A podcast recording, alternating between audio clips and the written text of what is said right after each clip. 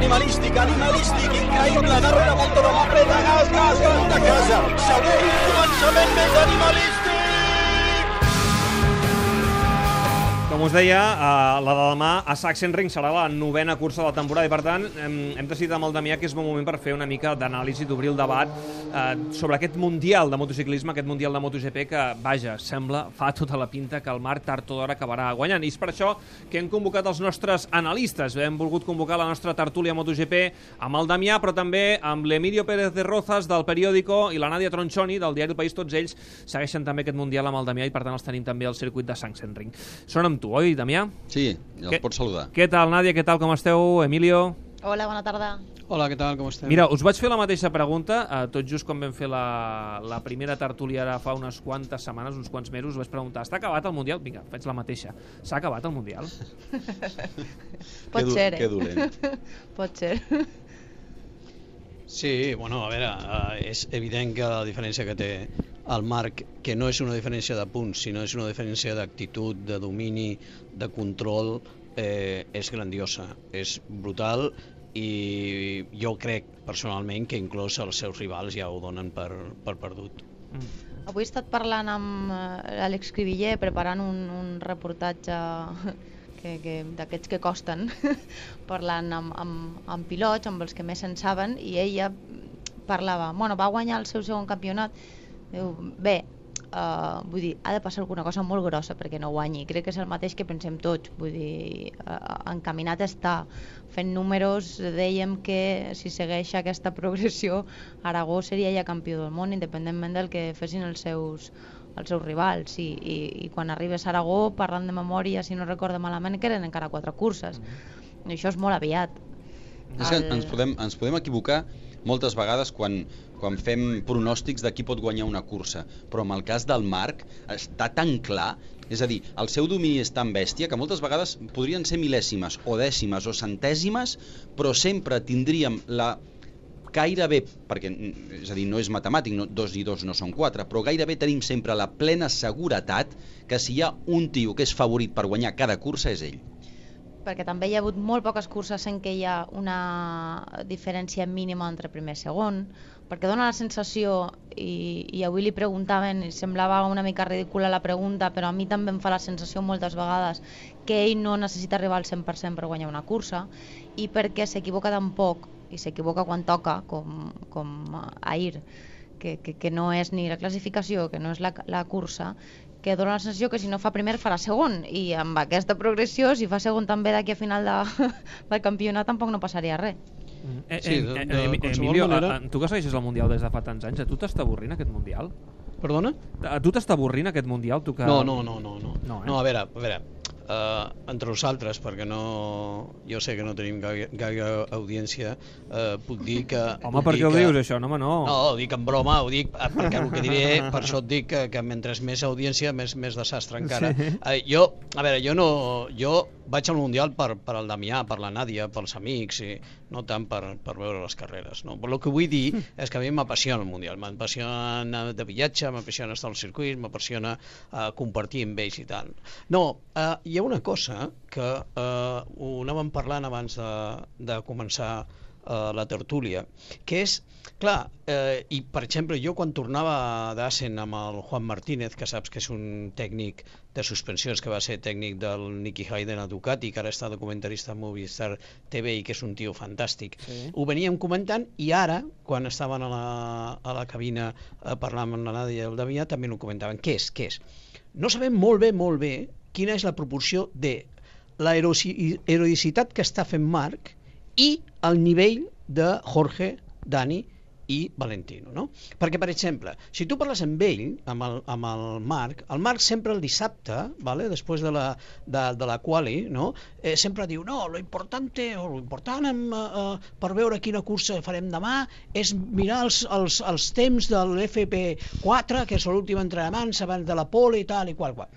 I clar, després, quan ell guanya, le demanas, bueno, pero oye, tú dijiste que por los tiempos del FP4 pues estaría todo muy igualado. Y entonces él siempre lo- dice lo mismo y es verdad. Dice, no, no, perdón, yo cumplí con mis tiempos. Fueron los otros los que no cumplieron con sus tiempos. O sea, es decir, que yo creo que si hiciéramos una comparación, eh, tampoco es, es estratosférico lo que está haciendo Marc, pero yo creo, yo sí creo que el nivel de Pedrosa, de Lorenzo y de Rossi no es, eh, Sí. digamos, no es I estratosférico. no, no- I no només això, sinó que si el Valentino està on està, és perquè, és a dir, aquí podríem fer encara un altre aclariment. Si el Valentino està on està, i jo continuo pensant, vaja, jo defensaré això, vull dir, encara que em costi una mà, eh?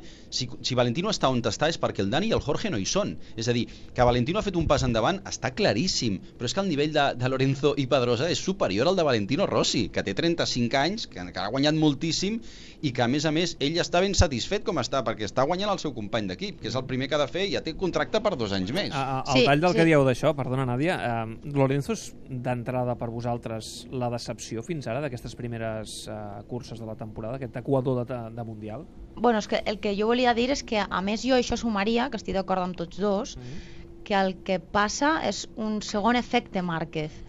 El Dani potser no li està afectant tant, perquè jo mantinc des de que va començar la temporada que ell està fent com fa sempre, que és tenir-lo tot molt calculat, evitar cometre errors i veure cap a final de temporada què pot fer, però el Lorenzo no ha sigut mai així.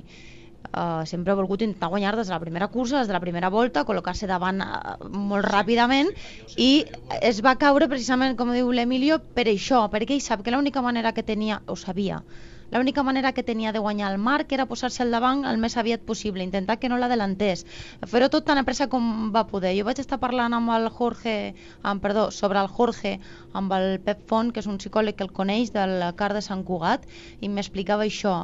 Per això va cometre un error a la primera cursa. Aquesta precipitació el va portar a una altra precipitació a la segona cursa. I després de 2-0, el problema que deu tenir al seu cap ha de ser tan tremendo que jo crec que, que no Márquez- ho entenem nosaltres i ell tampoc. No, Márquez ha trencat qualsevol lògica. En això estem d'acord, jo crec tots. És a dir, ha trencat la lògica fins al punt, fins al punt de, de nosaltres no acabar d'entendre com Jorge Lorenzo, un senyor que té quatre títols del món, que en té dos de MotoGP guanyats d'una manera absolutament brutal, amb unes lluites amb Valentino, amb Pedrosa, o sigui, d'una forma brillant, perquè és un pilot brillant, és capaç de cometre no una errada, sinó dues, tres, quatre o cinc, quan, quan no és propi de campions, perquè Marc Márquez, si virtuts té, és que no comet dues vegades la mateixa errada. És a dir, és absolutament, moltes vegades trenca, és, trenca la lògica de tal manera el que ha fet el Marc, que moltes vegades estem parlant de tios que tenen un nivell històric, que estan en el top 10 de victòries, en el top 10 de podis. Pedrosa té 120 podis, és una barbaritat. Mira, hi ha una cosa, eh, després de- d'això que, que he comentat de, dels temps, és a dir, de que el propi Marc pensa que els tres rivals seus no estan eh, amb, aquesta, amb aquest nivell i que, i que són ells els que estan eh, baixant d'alguna manera el pistó, hi ha una altra cosa que pot dir perfectament que pot significar, que pot explicar el que està passant, i és la renovació dels contractes. O sigui, si tu veus, eh, els quatre magnífics acabaven contracte eh, al, al mateix temps. Quina casualitat que el primer que renova dos temporades més amb més diners és Marc Márquez. Quina casualitat que el segon que renova amb una mica més de diners és Valentino Rossi. Quina casualitat que el tercer que renova és Dani Pedrosa, sospitadament per tots nosaltres, amb menys diner que eh, el que cobrava. Per què?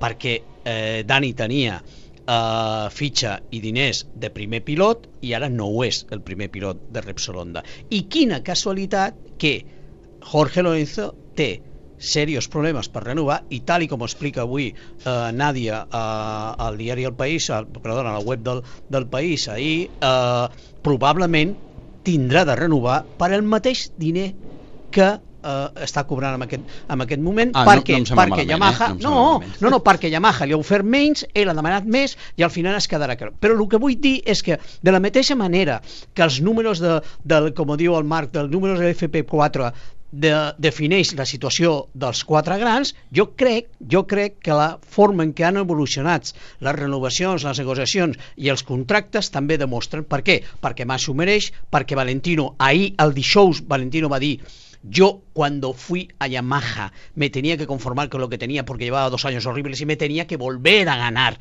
la confianza y el dinero. Ahora se lo han dado un poquito más de lo que de lo que le dieron y Dani ha renovado con un sueldo de piloto correcto o segundo de Honda. Jo, jo no sé si, si hauríem de filar tan prim en això. Està clar que hagués estat il·lògic que el Repsol Honda hagués renovat primer Pedrosa que Márquez, això està claríssim. Tots pensem, no ho sé el que guanyarà Márquez, però segur que serà una, un gran sou perquè és el millor, punt i final. Em, que Valentino ho està fent molt bé i que Valentino ha expressat el fet de continuar amb Yamaha claríssim. Valentino ven moltes motos, no ens enganyem. És el tio que ven més motos del món. Ja podria estar amb mobilet i vendria mobilet. Perdona, perdona, perdona, eh, per la nostra audiència. Quan Damià diu que Valentino Rossi vende muchas motos, significa motos de correr, motos de calle, no significa que, que vende mentiras, eh? Cuidado, eh? No, No, no, queda no. clar, queda clar. I, i, i, el, I el Dani al final també ha volgut quedar-se i la, la, el raonament és qui hi ha que puguis posar en el lloc del Dani que sigui millor que ell i sembla que no existeix. Aquest és el gran raonament sembla, que fa Repsol Honda. Sembla que no... No, no, però és que és, és, és, Sí, el, sí. és el raonament que he fet jo perquè jo crec que no existeix. I si no Sí. parlem del senyor Bradel, que sembla ser que està defenestrat però per Honda. Sí, però Damià, O de Álvaro Bautista. Per Sí, exemple. però hi ha sí, algun però pilot, Damià- eh, hi ha algun pilot que si li donessin una bona moto podria estar a l'alçada dels quatre No, fantàstics? jo- Ah, això, crec- això és el que Sí. està dient Jo el que crec- A l'alçada pot ser, però jo, Jo crec que, que- millor que el Dani igual no hi ha jo, que ho soc, fan. jo, jo en aquest sentit sóc molt mala persona. O sigui, jo el que crec és que si tu tens a Marc Márquez i portes 7 anys amb el mateix pilot i és segon, jo crec que ho pots intentar. I quan dic intentar, dic agafar un Llanone, agafar un, un, uh, un, qualsevol un Pol Espargaró, agafar algú així. Però és una opinió molt personal, eh? No, no, no, és, és, és, una, és un enfocament, i a mi em sembla perfectament lògic el teu enfocament, Emilio. El que dic és que la situació actual és aquesta. I vulguis que no, el Marc, jo, jo, jo sóc dels que penso que el Marc les guanyarà totes totes aquesta temporada. Ara, què pot passar en els pròxims dos anys? Doncs que no li passi res. Esperem que no li passi res, però si, si per lo que sigui, per lo que sigui, eh, perquè un dia perd l'autobús o perd l'avió o no arriba al circuit, el primer pilot no d'allà, necessites un segon que estigui al nivell. És que estem I en una mateix- situació ara mateix, Damià, que uh, la notícia del Mundial serà el dia que no guanyi Márquez una cursa. No, no, està claríssim. Ei, espera. I, I ella ho sap, eh? Sí, sí. Està esperant. No, no. Eh, i saps, i sap, no, i encara més. Nosaltres, perquè ho haurem d'explicar, per televisió la notícia serà la cara que posarà Márquez quan no guanyi, perquè serà un poema. Clar, perquè perquè- s'està acostumant a guanyar. perquè vol, perquè vol guanyar. Però bé, crec- en fi, et, et pots permetre també alguna relliscada havent guanyat les, les primeres vuit curses. No, no, eh, ja et dic, perdó, perdona, però ja et dic jo que serà una festa, eh? Que ell farà una festa, o sigui que Damià està esperant un drama i ja et diré jo que farà una festa però, però en plan Valentino Rossi de hace 7 anys eh? Ja. Positivitzar, El- positivitzar la derrota. home, ja t'ho dic De deixem, ja, sa- ja saps com és que el Marc quan cau no té crisi de confiança i ja sabem el que va passar l'any passat a Austràlia que ell, va ser ell qui va aixecar l'ànim de l'equip amb la seva actitud per tant, està clar que quan estigui en el podi estarà de mala llet o de mal humor segurament per dintre i després li durarà 10 segons El- perquè, és, perquè és una cosa normal i perquè ell, jo entenc i jo penso que ell és conscient que això pot passar amb la qual cosa ho té sempre present. Sí, ho té, i, a, i a mi em sembla molt significatiu d'aquestes ganes per guanyar i de com es prendrà la derrota, com va celebrar l'última victòria, que té part de què va passar a Austràlia l'any passat i com ho van gestionar i, i com es van carregar les culpes sobre el seu equip més íntim, etc etc. i té part de ara amb, amb els que jo vaig portar i amb els que he portat aquest any, que són nous, que són uns novatos, que no els volíeu o que no ho teníeu massa clar, ho hem fet bé i hem guanyat i, i, i així va superant-se i cada vegada és una prova darrere una altra i, i és una obsessió que té per guanyar sembla des de fora pot ser que després de 8 victòries diguis mm, bueno, i ara què? I quin avorriment no, ell no s'avorreix i mentre ell no s'avorreixi nosaltres tampoc ho farem, em sembla Clar, que sí, no, i després, Digues, digues, digues. I, i des, no, i després hi ha una cosa que eh, jo que tinc 62 anys i són molts eh, penso No tants, que no tants, Emilio. sí, sí, sí, penso que també és molt important què és? Què és?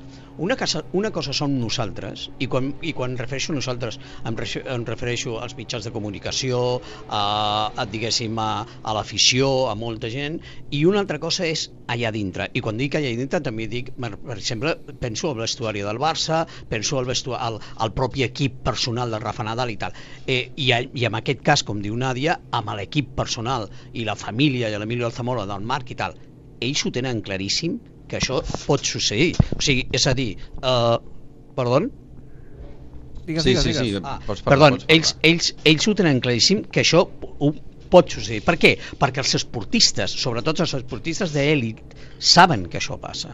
I és veritat que, com diu el Damià, de la mateixa, això és, també és una opinió molt personal, que de la mateixa manera que l'any passat, us en recordeu, ell anava dient, no, no, jo no penso en el rècord de Freddy Pence, no, no, jo no penso que ser el rookie que guanya el, el, el, el títol mundial més, més aviat, no, no, jo no, Bé, estic absolutament convençut, com diu, com diu la Nàdia, que les bromes que fan entre ells, entre ells, perquè es veus, tu veus el Santi Hernández, veus, veus el Jordi Castellà, veus el, el, el, el Carlos Liñán, veus a tots aquests, i els veus, els veus, els veus que estan ahí, els tios, eh, eh, diguéssim, motivats i, i troben, troben qualsevol excusa per fer una, una rialla i és així, és així, jo, és, és, és, és, és cada dia, cada circuit, troben un motiu, cada entrenament, cada entrenament. La Nàdia li va demanar ahir, per exemple, a la roda de premsa, li va demanar escolta, Marc, què és el que, el que et fa tindre ganes de guanyar? I, va dir, i el Marc va dir la cara que veo en los míos, mm. cuando un adelantamiento, Home, que tal, seva- después la- nos la reunimos, después nos reunimos y ¿eh? recordemos y recordamos ese adelantamiento Sí. y tal. O sea, el tío no dijo, quiero ser histórico, quiero pasar, no, no, el tío dijo,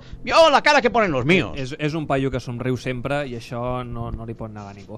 En fi, que, que veig que mm, us passaríeu hores i hores i hores parlant de motos, perquè a més a més, deia l'Emilio, és que a mi m'agrada viatjar perquè vaig amb els meus amics, amb el Damià, amb la Nàdia, heu demostrat que sou bons amics i que en, hi enteneu un munt d'això de les motos. Per tant, que duri que duri el Mundial i que ho pugueu disfrutar i explicar per tots els vostres eh, lectors i oients, en el cas del Damià.